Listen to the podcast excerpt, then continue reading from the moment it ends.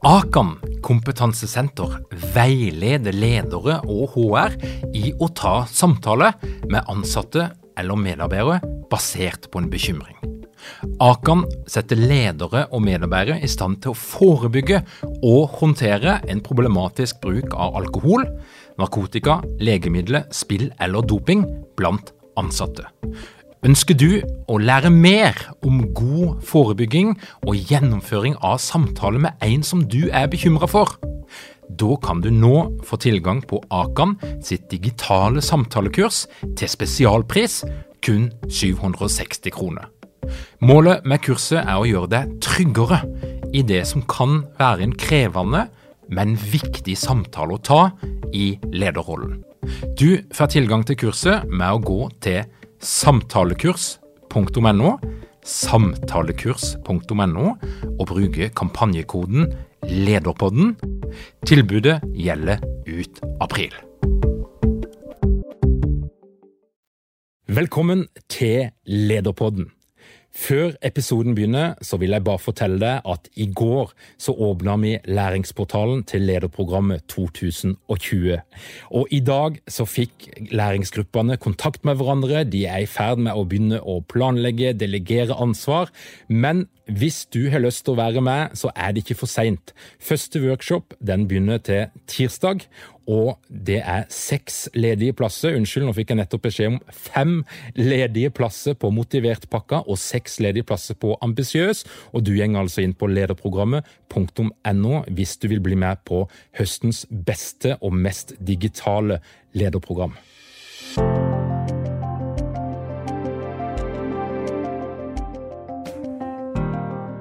Mange har opplevd å være med på en såkalt verdiprosess, der de skal prøve å finne ut av noen flotte ord, noen begreper, som skal danne den verdimessige plattformen for det selskapet du er en del av. Og så er det òg nesten like mange som har opplevd at selv om verdiene er skrevet på websida, de fins i brosjyre og reklamemateriell, så er det ingenting på innsida som vitner om at det faktisk er noen verdier som en styrer etter i dette selskapet. Og det er temaet for dagens episode av Lederpodden. Og derfor har jeg fått med meg Steinar J. Olsen fra Stormberg. Velkommen, Steinar. Takk skal du ha. Du er en mann som til tider må stå i ganske hardt vær for det at du har noen verdier, selskapet ditt har noen verdier, som du ikke er redd for å fronte. Stormberg ble etablert i 1998. Før det så hadde du gjort ganske mange forskjellige ting. Jeg husker personlig at jeg likte veldig godt Billy Shop der jeg støtt og stadig var, for der var det friluftstøy, det var militærtøy, og det var noe min kompisgjeng i Vennesla likte veldig, veldig godt. Så det var moro. Men eh, i 1998 så etablerte du Stormberg, som er blitt en av landets største merkevarer når det kommer til turtøy. Og fortell litt, Steinar, hvilke verdier eller ambisjoner, visjoner, var det du tok med deg inn når du begynte å snekre på det som nå er blitt Stormberg? Altså, Litt av utgangspunktet i forhold til Stormbergs samfunnsengasjement, det, det er nok uh, det samfunnsengasjementet som jeg har hatt siden jeg var ja, tenåring, egentlig. Når jeg var 19 eh, år, så uh, gikk jeg inn uh, og engasjerte meg i politikken, lokalpolitikken. Ble valgt inn første gang i Kristiansand bystyre da jeg var 21. Eh, jeg hadde åtte veldig spennende og, lærerike år der. Eh, så var jeg så heldig å bli far for første gang i, på slutten av 90-tallet. Eh, og for meg som ikke ønsker å være en distansert far, og som samtidig hadde et brennende ønske om å drive egen virksomhet, så ble det veldig vanskelig å skulle kombinere det å være en familiemann, eh, det å drive egen virksomhet, og også skulle drive med politikk 30-40 eh, timer i uka. Mm. Så derfor så eh, takka jeg nei til gjenvalg i, i 1998, og så uh, starta jeg Stormberg året før. Uh, og hadde fokus på å forsøke å praktisere noe av det jeg trodde på i forhold til samfunnsutvikling. Jeg hadde fokus på å forsøke å praktisere noe av mitt verdigrunnlag gjennom hvordan jeg skulle drive virksomheten. Og hvilke verdier var det da du, du så som spesielt viktige, og som du, altså du tenker at dette her, her, kan jeg gjøre Det er jo egentlig to ting på en gang. Altså Du bygger en virksomhet uh, ut fra ulike interesser, men det er en kommersiell virksomhet, det er jo viktig å si. I tillegg så skal du da ta med deg de verdiene. Altså, når jeg starta opp Stormberg 18.2.1998, så var vi selvfølgelig en veldig liten virksomhet. Eh, vi, eh, vi, vi hadde veldig begrensa muligheter til å ta et aktivt samfunnsansvar. Vi hadde fokus på å forsøke å selge varene våre, og fokus på å klare å betale regningene våre. Så det er klart at det var ikke så veldig mye jeg kunne gjøre. Men noe av det som jeg visste jeg kunne gjøre allerede da, eh, det var det at jeg kunne være bevisst på hvordan jeg rekrutterte medarbeidere til Stormberg. Eh, vi var fire stykker, inkludert meg sjøl, ved utgangen av etableringsåret 1998. Eh, og den ene av de fire hadde da rekruttert i et samarbeid med, med Nav, eller A-etat som det heter på den tida. Det var en veldig det var en ung person, en ung gutt, som ikke hadde trivdes veldig godt på skolen. Hadde ikke fått seg noe eh, eh, fagutdannelse, hadde slitt med å få jobb. Hadde gått inn i og avtjent førstegangstjenesten og forsøkte da å få jobb etterpå. Det gikk ikke så veldig greit, det heller. Jeg hadde ikke råd til å ansette han, dessverre når han begynte i Stormberg i 1998, men jeg hadde råd til å la han gå inn på en lønnstilskuddsordning som innebar at han skulle være hos oss noen måneder. Og Selv om ikke han hadde noen fagutdannelse, så hadde han en fantastisk god arbeidsmoral og arbeidsvilje med seg hjemmefra.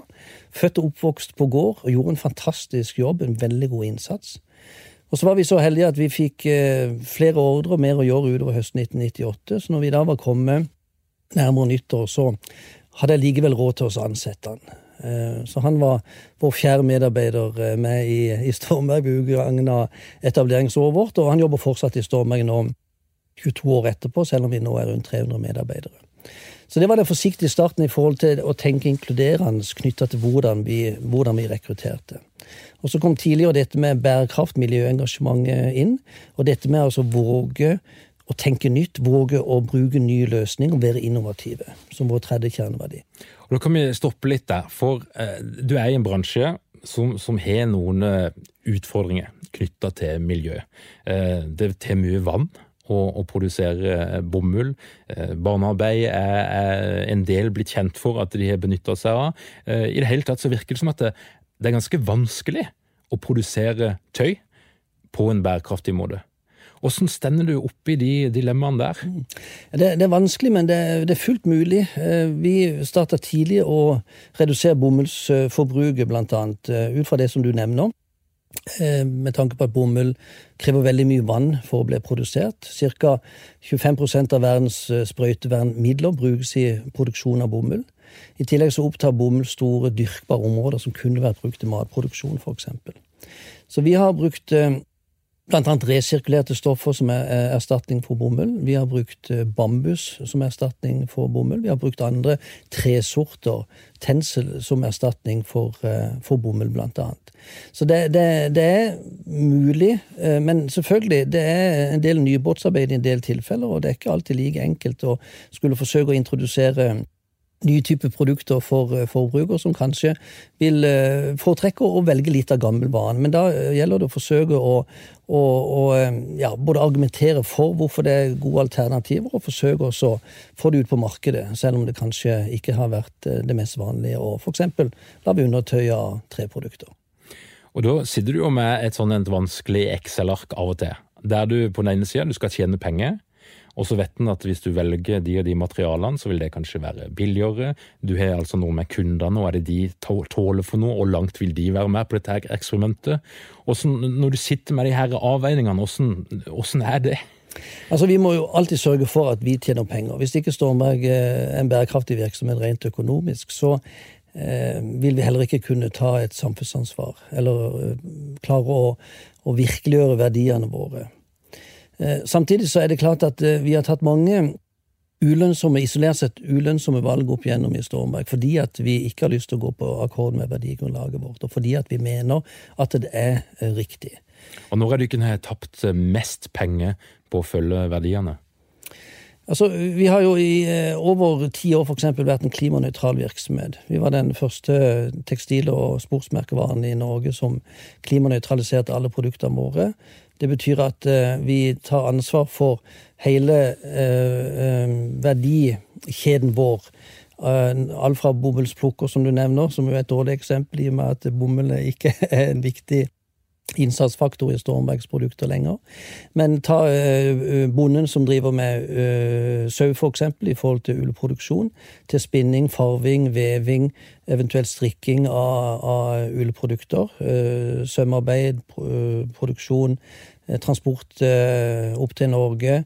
Transport ut til butikkene, transport fra butikk til kunden når kunden kjøper produktet sjøl, og inkludert også den statistiske antall ganger som uh, kunden vasker Stormberg-produktet. Altså hele verdikjeden tar vi og klimanøytraliserer.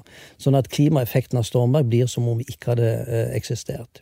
Altså Det at vi har gjort det i over ti år og kjøpt FN-godkjente klimakvoter for å rydde opp i våre utslipp, uh, og også jobbe aktivt for å redusere utslippene før de nøytraliseres, det er klart det har jo kosta oss mye penger. som en kanskje vanskelig kan kunne, skal kunne regne hjem som et uh, lønnsomt prosjekt. Men vi regnet aldri på det når vi starta, vi har ikke regnet på det heller i ettertid. For vi mener at det er viktig at vi tar uh, ansvar for våre utslipp.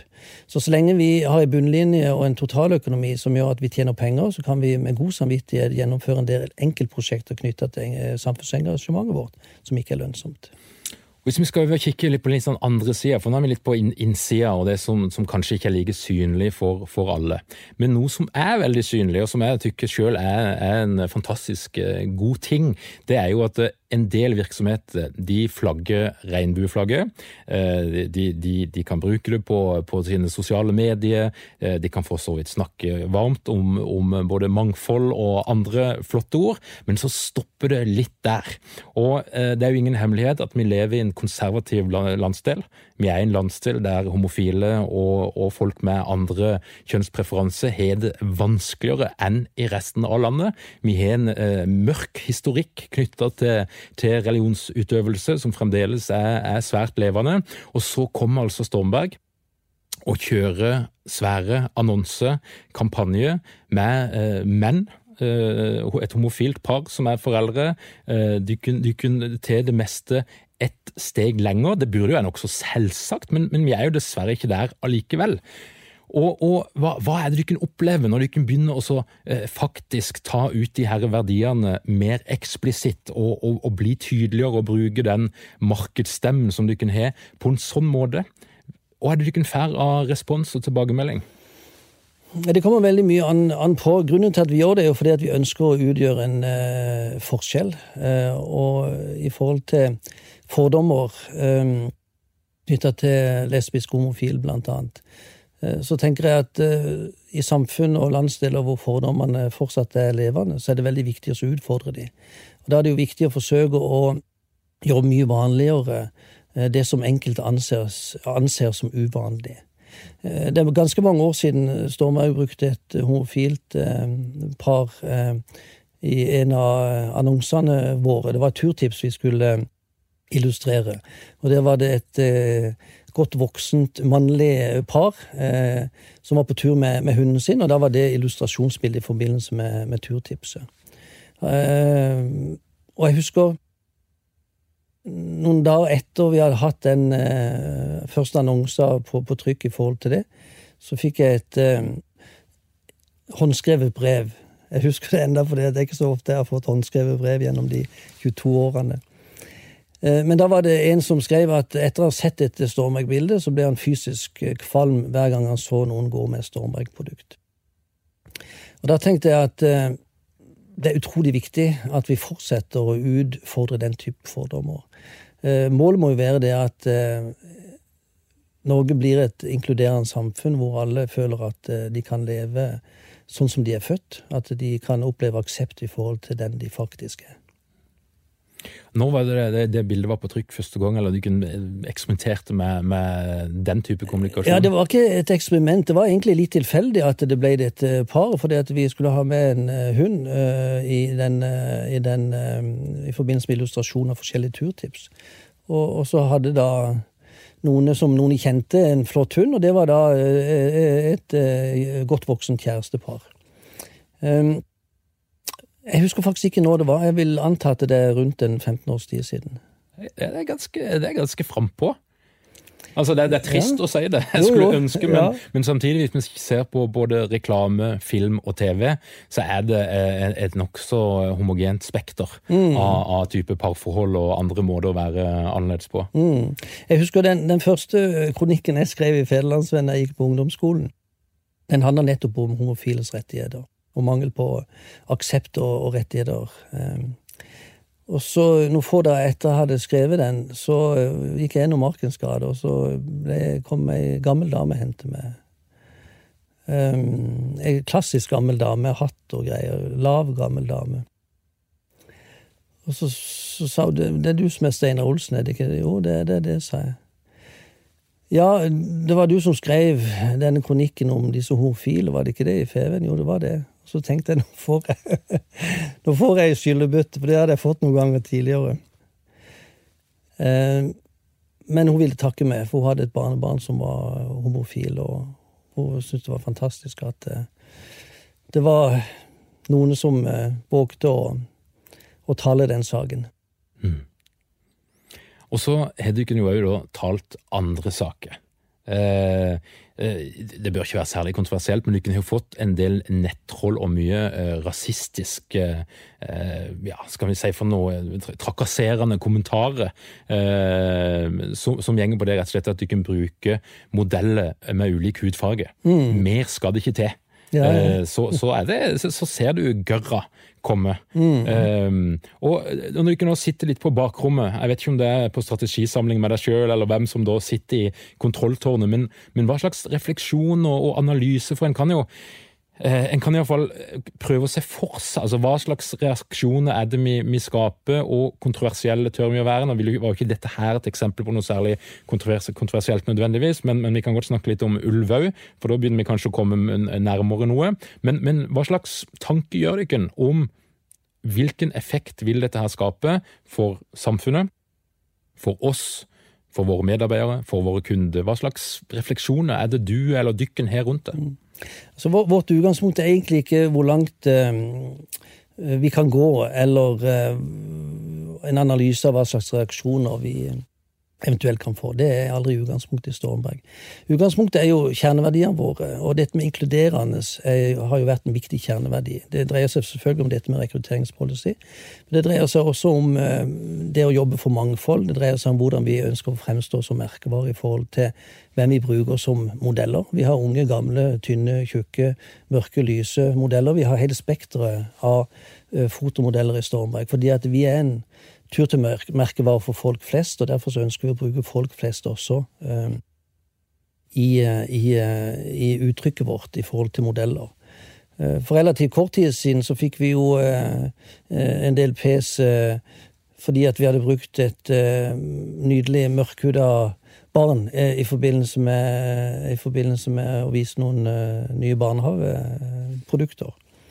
Eh, så, så, så, selv om Norge nok har blitt et mer mangfoldig samfunn, så, så, er det fortsatt mye fremmedfrykt ute. Og, og fortsatt eh, en del eh, som åpenbart er rasistisk også i forhold til uttrykkene sine. Og Da tenker jeg ikke hva slags skade det eventuelt kan påføre merkevaren Stormberg, at vi får den type nettroll eller boikottkampanjer etter oss fordi at vi har den type modellvalg, f.eks. Men jeg tenker mer på at eh, det er holdninger som vi ønsker å bidra til å bekjempe, og derfor skal vi utfordre dem. Men blir du litt eh, irritert av og til når du ser på dine kollegaer i andre selskaper som gjerne smykker seg med verdier som f.eks. inkluderende, men der du nesten ikke finner ett eksempel på at de utfordrer fordommer, eller der de faktisk tar en, en risiko knytta til å leve etter verdiene sine? Mm. Jeg husker en, en, godt voksen næringslivsmann som jeg traff eh, for en god del år siden. Eh, han, eh, det var før faktisk vi hadde fortalt noe ut av hvordan vi rekrutterte. Men han hadde hørt noe snakk om at vi samarbeider med Nav i forhold til rekruttering. Så sa han til meg Personlig, Steiner, så syns jeg det er veldig bra at det rekrutterer folk fra fengsler og fra Nav osv., men jeg skal gi deg ett godt råd. Du må passe på at det ikke blir kjent. For hvis det blir kjent at det jobber tidligere kriminelle i Stormberg, så mister det tillit hos kundene. Kanskje hvilke leverandørene har noe med det å gjøre, og kanskje vil også banken bli mye mer skeptisk. Så du må passe på at det ikke kommer ut. Den type holdninger tror jeg ikke står like sterkt som de gjorde for ja, det her er nesten 20 år siden. Men at det er mange virksomheter som fortsatt er flinkere til å snakke om verdiene sine enn å praktisere dem, det, det er inntrykket mitt. Eh, og da tenker jeg at verdier har veldig begrensa verdi. For det er jo det øyeblikket en våger å gå fra ord til handling, at eh, verdiene kan utgjøre en forskjell. Og Da er vi inne på litt av tittelen her. altså eh, Verdier om det er corporate bullshit. Altså masse flotte ord og floskler som er litt vanskelig å forstå av og til, og som også er vanskelig til å knytte til konkret atferd, eller om det betyr noe. Og Da har vi altså en, en forskningsartikkel i, fra MIT i USA der den er nå nylig, eh, den ble publisert i juli, og de undersøkte 700 store selskaper. Og Det de prøvde å se etter, det var jo hvilke verdier er det de forteller at de har. Verdigrunnlaget, og de aller fleste hadde jo det, eh, lett tilgjengelig på, på websidene. Og så prøvde de å gå litt dypere og se i hvilken grad kjenner de ansatte seg igjen i de her verdiene, i, i sånn som selskapet oppleves på, på innsida. Mm. Og det de fant, det var jo at det var tre verdier som gikk igjen i 80 av, av tilfellene. Der eh, integritet, eh, jeg tror òg eh, mangfold var, var, nevnt, og respekt og den type ord, det, det, var, det var, gjengs. Og så var det òg en, en, konklusjon eh, som knytter seg til at de, majoriteten av ansatte kjente seg ikke igjen i at verdiene betydde noe spesielt på innsida, eller at de kunne knytte en bestemt atferd eller handling eller et mønster av handlinger til verdiene. Så det er jo det, det du sier, så, så, tenker jeg at dessverre så er det nok mest vanlig at verdier det er en gøy prosess, det er noe som ser bra ut på trykk, det ser bra ut på websidene, men det har en tendens å stoppe. Har dere mange ledere uten trening eller utdannelse innen ledelse? Mangler dere en felles kultur og praksis for ledelse? Ønsker dere å være bedre rustet for fremtidig vekst og endring? Da kan et internt lederutviklingsprogram være en god investering. I Execu så er vi eksperter på å designe og gjennomføre bedriftsinterne lederutviklingsprogram. Hvis du ønsker å lære mer om hvordan vi kan hjelpe dykken til å få enda bedre ledere, ta og klikk deg inn på execu.no.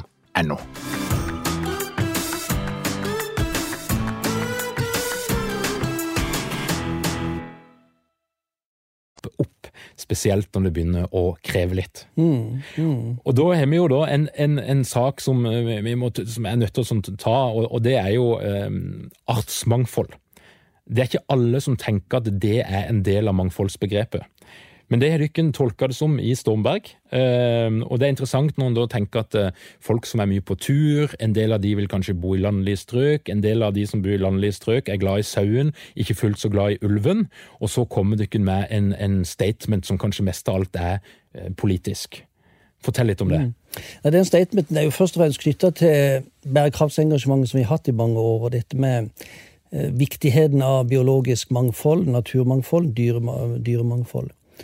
Eh, og det var egentlig ikke ulven som var utgangspunktet for eh, den stormen som Stormberget opplevde for noen år siden, med boikottaksjoner og osv. Det var egentlig hubroen, ugla, som eh, er i ferd med å ja, få dårlig kår i Norge, og, og er, er utrydningstrua, i hvert fall i store deler av, landet. Så vi ønsker å ha spesielt fokus på, på hubroen. Etablerte samarbeid med Verdens naturfond Norge gikk inn og finansierte også eh, noen eh, prosjekter som skulle gå generelt i forhold til eh, dyrmangfold, men spesielt med fokus på hubroen. Og samarbeidet skulle starte 1.1, så vi formidla denne gode nyheten på formiddagen på nyttårsaften. Og så var det ikke så mange timer før det kom overraskende sterke reaksjoner, reaksjoner som ikke vi hadde forventa. Eh, men da var det knytta til ulven, i og med at WWF eh, også har et veldig godt engasjement knytta til ulv. Eh, vi er òg glad i ulv, vi er glad i rovdyr. Vi mener at det må være plass til rovdyr også i natur, den norske naturen. Det har noe med det biologiske mangfoldet og kretsløpet å gjøre. Men jeg vet ikke om det var rødvinen eller hva det som var godt i glassene utover på nyttårsaften på kvelden, som gjorde at en del av de som besøkte oss i sosiale medier, fyrte opp bål og fyrte opp Stormberg-klær. Så da ble det en boikottaksjon som pågikk, pågikk ganske lenge. Eh, og det var jo egentlig synd, fordi at eh, en del av de som deltok i den boikottaksjonen, var for så vidt eh, Stormberg-kunder, i den forstand at det var en del bønder og en del folk i eh, Bygde-Norge som eh, tok et standpunkt på at de ikke ville ha noe mer med Stormberg å gjøre, siden vi eh, tok et klart standpunkt i forhold til rovdyr. Alt fra hubroen da, og også ulv. Og når du ser tilbake på det nå, og, og tenker du eh, var, det noe, var, det, var, det en feil i kommunikasjonen? Var det noe de kunne være tydeligere på, eller var det egentlig helt greit at det ble sånn som det ble? Nei, det var, det var helt greit, fordi at eh, det var helt naturlig for oss å ta et standpunkt i forhold til naturmangfold og dyremangfold. Definitivt. Eh, jeg var overrasket over at det ble en boikottaksjon, og at det ble eh, så sterke reaksjoner. Eh, for det var ganske mange som boikotta Stormberg i den perioden så mange at du ikke merka det på, på omsetninga? Vi, vi, har jo veldig mange kunder, så det er vanskelig å, å måle hva som påvirker omsetning, i, i hvilken retning. Eh, det her var januar måned, og, og vintervær januar måned vil nok antageligvis påvirke omsetningen i større grad enn en boikottaksjon. Men jeg var likevel overrasket over de sterke reaksjonene, og spesielt det hatet jeg opplevde enkelte hadde til miljøorganisasjoner som WWF. Mm. Hvor det ble presentert mange konspirasjonsteorier og masse harde ord. Også om Stormberg, harde ord selvfølgelig, men, men, men, også om WWF. Og da tenkte jeg som så at når eh, motstand mot en miljøorganisasjon som WWF er såpass sterk, og når motstand mot eh, rovdyr som ulv er såpass sterk, så får Stormberg eh, styrke engasjementet sitt både for WWF og for eh, ulv. Så vi eh, dobla den økonomiske støtta vår til WWF uh, som følge av den boikottaksjonen. Så de som boikotta, de kom litt dårlig ut av det? Ja, WWF kom i hvert fall godt ut av det. Det å ta et, et sånn type standpunkt det, har kunne gjort det, og dykken kommer sikkert til å fortsette å gjøre det. Eh, og nå er jo statusen det at du har gått ut av den operative driften av selskapet. Din tittel per i dag er arbeidende styrformann. og du, Vi har hatt en liten prat, og du forteller at nå har du flytta på heimekontor, og du holder deg vekke ifra Stormberg hovedkvarteret i det daglige for å la folk få lov til å holde på med sitt. Men engasjementet ditt det kommer til å fortsette, og hvis du nå kikker tilbake på de 22 årene, og så prøver liksom å konkludere eller oppsummere litt, for nå, er, nå, sitter du i en posisjon da, der du kan kanskje si noe om hvilke konsekvenser har det hatt at du kunne vært så tydelige på verdier, både i ord og i handling. Og Hvis vi da først til den markedsmessige sida, og tør faktisk å snakke litt om det òg, eh, for, det er jo den verdenen du kan, leve i. Hvilke konsekvenser har det hatt? Jeg tror Stormberg har veldig lojale kunder.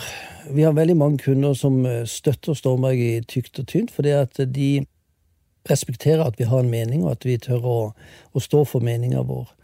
Eh, og Det betyr ikke at eh, alle kundene selvfølgelig alltid er enig med oss, men min, den tilbakemeldingen jeg får fra mange, er at de syns det er bra at virksomheter våger å ta et standpunkt, og at virksomheter våger å forsøke å bidra i samfunnet til en positiv utvikling. For det er jo det det dreier seg om. Det dreier seg om å forsøke å praktisere det en tror på, og ikke la det bare være ord, men at det faktisk blir eh, handling, eh, handling også. Eh, og så er det selvfølgelig noen som ikke vil kjøpe Stormberg-produkter fordi at de ikke ønsker å bli identifisert med noen som kjemper for rovdyr.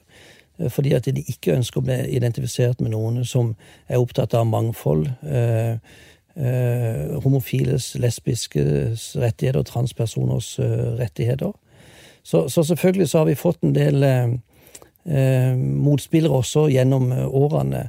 Men det tenker jeg vi lever veldig, veldig godt med. Og det har aldri vært et mål, verken for Stormberg eller for meg, å bli elska eller godt likt av, av, alle. Eh, det som har vært viktig for oss, er å forsøke å praktisere det vi tror på.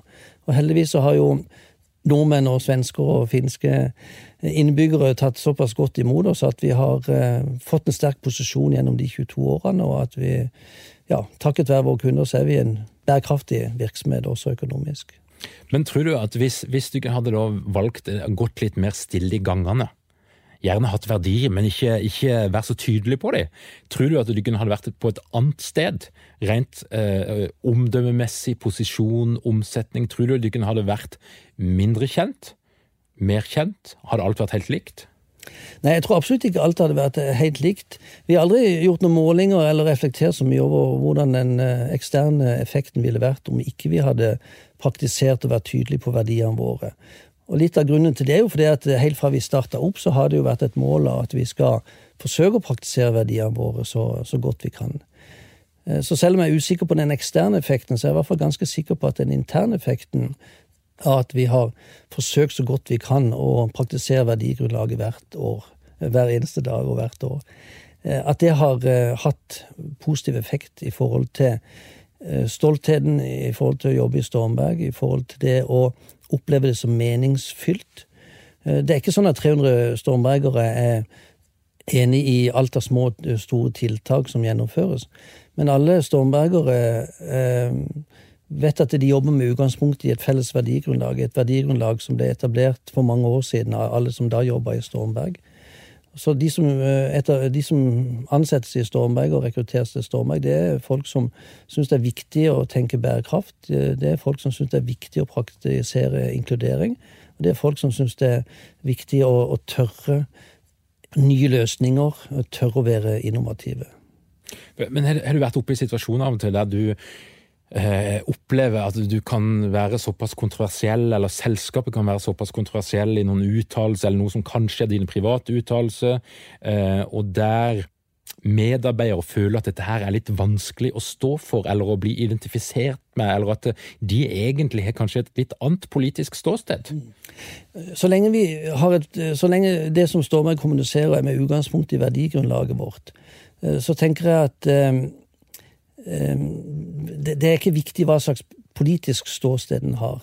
Eh, vi, vi, har aldri kartlagt eh, politisk ståsted til stormbergere, men jeg har jo via tilfeldigheter eh, opplevd gjennom årene at stormbergere representerer hele det politiske spekteret.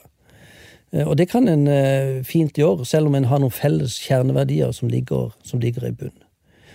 Ehm, så jeg, jeg tenker at så lenge det som kommuniseres er med utgangspunkt i kjerneverdiene, så, så er det noen felles multiplummer som gjør at det er fullt håndterbart, selv om vi opplever stormer og opplever uh, boikottaksjoner i perioder. En organisasjon er jo i prinsippet en juridisk enhet. Um, og en kan jo diskutere i hvilken grad kan en juridisk uh, enhet ha verdier. Um, og, og, da er det jo interessant når du til steget litt på utsida av organisasjonen. Den skal leve videre. Um, og tror du, for at verdiene lever videre uten at gründeren er på huset, uten at gründeren på en måte har hånda på rattet. Det kan være ledere som blir skifta ut, det kan være styre som blir skifta ut, medarbeidere vil etter hvert skiftes ut. Hva er det som er eh, oppskriften for å få verdier til å leve og ikke vannes ut i et selskap over tid? Når ikke den, eh, de personene som en gang starta det, er der lenger. Mm. Nei, Det er jo det med å ha en sterk bedriftskultur, at det er måten vi gjør det på i, i Stormberg. At vi, vi, tør å praktisere inkludering, vi tør å rekruttere folk som har en noe utfordrende fortid, og har hatt utfordringer med å komme inn på, på arbeidsmarkedet. Det at vi tør å ta grep knytta til bærekraft og, og, og, klima, selv om det koster oss litt, og at vi kan merke det på bunnlinja også. Men at vi, vi gjør det fordi at vi har et, eh, en misjon om at vi vil gjøre verden til et litt bedre sted, og at vi har bærekraft som en av de tre kjerneverdiene. Jeg tenker Så lenge virksomheten eh, er vant med at vi skal forsøke å praktisere og gå fra ord til handling, så blir det litt business as usual. Og selv om da gründer, i mitt tilfelle, nå er det to år siden jeg trakk meg fra den daglige ledelsen, jeg er opptatt av å ikke være en syvende far i huset, derfor er jeg ikke til stede i huset heller. Bortsett fra en gang eller to i måneden hvor jeg har eh, møter som jeg er inne på. Eh, så, så, så, så, selv om det da blir endringer i, i, i ledelsen og, og, og, så videre, så, blir dette at ok, det er Stormberg-måten å gjøre det på. Det er sånn en Stormberger tenker. Det er sånn vi praktiserer det hos oss. Eh, men for at det skal fungere og at det skal leve videre, så hadde det ikke funka om jeg for, eksempel, for fem år siden hadde funnet ut at ja, nå må vi ha noen kjerneverdier, og det er disse vi skal ha. Dette, dette gjør vi. Stormbergs kjerneverdier har jo vokst fram gjennom 22 år ved at vi har forsøkt å praktisere det vi har tro på. Vi hadde en verdiprosess eh, et par år etter vi starta, hvor alle medarbeidere var med i den prosessen ett års tid. Eh, og så har vi da tatt det videre i små og store grupper, i fellesmøter osv. Et, etter hvert som årene har gått. Men det viktigste var for så vidt ikke prosessen i seg sjøl, selv, selv om det var veldig vesentlig at alle var med. Det viktigste har vært at vi har praktisert så godt vi kan det vi tror på. Og så lenge vi gjør det, så blir det virkelig, da blir det levende. Så da blir det Stormberg-måten å drive en virksomhet på. Men er du redd for at en eller annen gang i framtida så er plutselig Stormberg noe helt annet enn det du mente det skulle være? Nei, det er jeg i grunnen ikke redd for, altså. Fordi at eh, verdiene står så sterkt i Stormberg. Jeg har så mange flinke medarbeidere. Jeg har en ledelse nå som er helt strålende, og som virkelig praktiserer dette dag ut og dag inn. Jeg har 300 dyktige medarbeidere som, som, gjør det samme. Så jeg er ikke redd for at Stormberg ikke skal bli et selskap som eh, kjennes igjen om fem eller ti eller 20 eh, år. Du kunne nettopp fått litt oppmerksomhet for det at du kunne samarbeide med Amazon som mange i Norge frykter når de nå kommer. Dykken er eh, et godt stykke framme i skoene der òg. Og så har det vært en del oppmerksomhet den siste tida knytta til en eh, dekkforhandler, opprinnelig fra Skedsmo-korset, eh, tror jeg.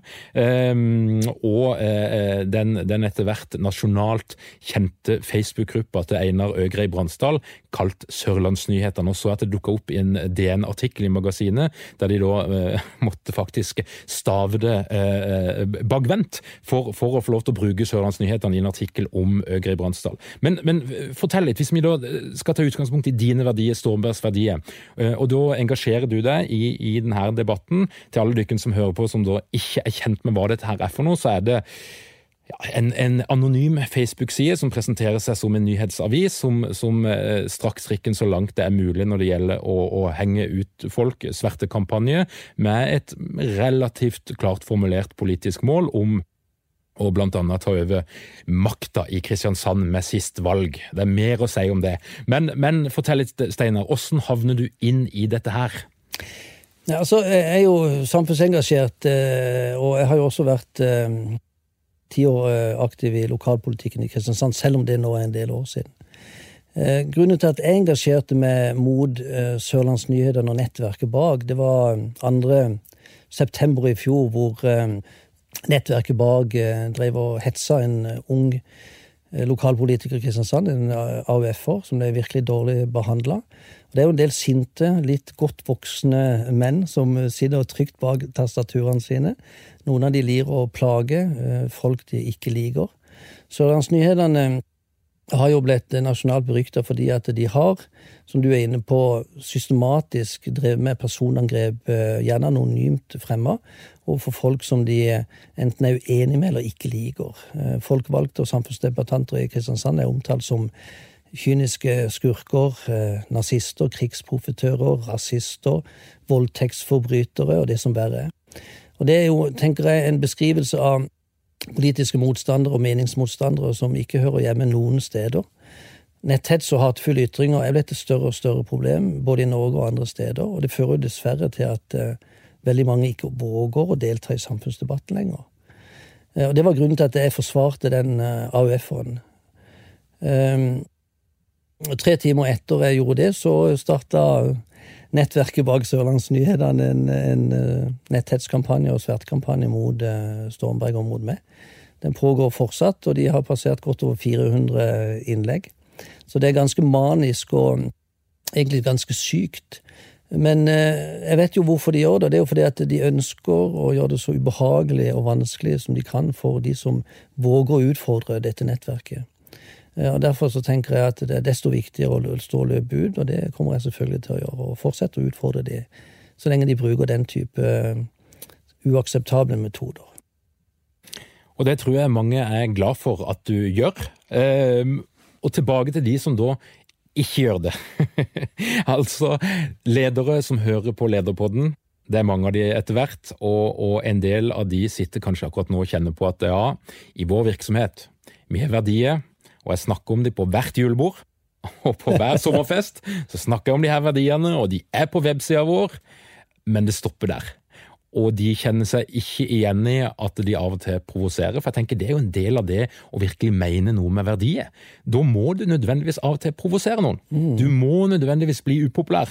Og på Sørlandet er vi glad i å si at her har vi det så greit, og alle skal være glad i hverandre. Men til de lederne som da har fått seg en liten oppvåkning og tenker at hør her, nå må vi gripe fatt i dette her, nå må vi faktisk bruke de her verdiene og den plattformen som en virksomhet faktisk er. Og er ditt råd til de lederne som har lyst til å faktisk gjøre noe aktivt for å aktivere de verdiene som bare ligger der i skrivebordsskuffa? Mm. Jeg tror det er veldig mange som har lyst, øh, men, så er de litt uh, usikre kanskje på en del konsekvenser og tenker at det blir mye merarbeid, og det kan også få følger for virksomheten kanskje i perioder. Litt avhengig av hvordan, skal vi si standpunktet de tar, blir, eh, blir, mottatt. Men jeg tenker selv om det er en usikkerhet, og selv om ikke det er noe som de har vært vant med å gjøre i så stor grad, kanskje i forhold til å delta aktivt i samfunnsdebatten, så tenker jeg at eh, det beste er å hive seg, hive seg ut i vannet. Det er mye lettere å lære å svømme hvis en er i vannet. Og antagelig er det ikke så farlig som en eh, eventuelt uh, tror i, i, forkant. Det er lov å være uenig, og jeg tenker at uh, noe av det som har vært mest eh, Noe av det flotteste jeg har opplevd i sosiale medier i de over ti årene jeg har vært aktiv, det har jo nettopp vært å treffe folk som ikke er enig med meg. Det å ha saklig gode diskusjoner er jo en kjempefin måte å lære på. I og med at jeg er i Stormberg, eh, styreleder, og også har vært daglig leder fram til for et par år siden, så har jeg selvfølgelig en veldig sterk posisjon. Nå har jeg jo heldigvis hatt mange rundt meg som ikke har vært ja-mennesker, men som har tørt og ønska og opplevd at ikke det er farlig å utfordre meg. Eh, det at jeg også har hatt eh, mange sosiale medier som jeg har hatt diskusjoner med, det har vært veldig nyttig og veldig lærerikt for, for, for, meg. Så en skal ikke være redd for uenigheten. Tvert imot så kan jo uenighet skape spennende endring og mye læring. Selvfølgelig er det viktig at en da behandler hverandre med respekt, og at ikke en hetser og, eh, og plager hverandre fordi en er uenig. Men gode diskusjoner er av det gode. Steinar J. Olsen, tusen takk for at du kom til Lederpodden. Takk skal du ha. Du har nå hørt på Lederpodden. Nå er det bare få dager til lederprogrammet 2020 starter, og det er fremdeles et par ledige plasser. Lederprogrammet er et tolv ukers digitalt lederprogram der du får møtt åtte av landets fremste eksperter på psykologi og ledelse. Det er et digitalt format, men det er ikke snakk om å se på statiske videoopptak. Det er live workshops, det er læringsgruppe, det er læringsplattform, og du vil få muligheten til å lære deg teknikker få inspirasjon, tilgang på verktøy, sånn at du kan gjennomføre den endringa du ønsker i din virksomhet eller i ditt liv. Gå inn på lederprogrammet.no, så rekker du kanskje toget som er på vei til å gå.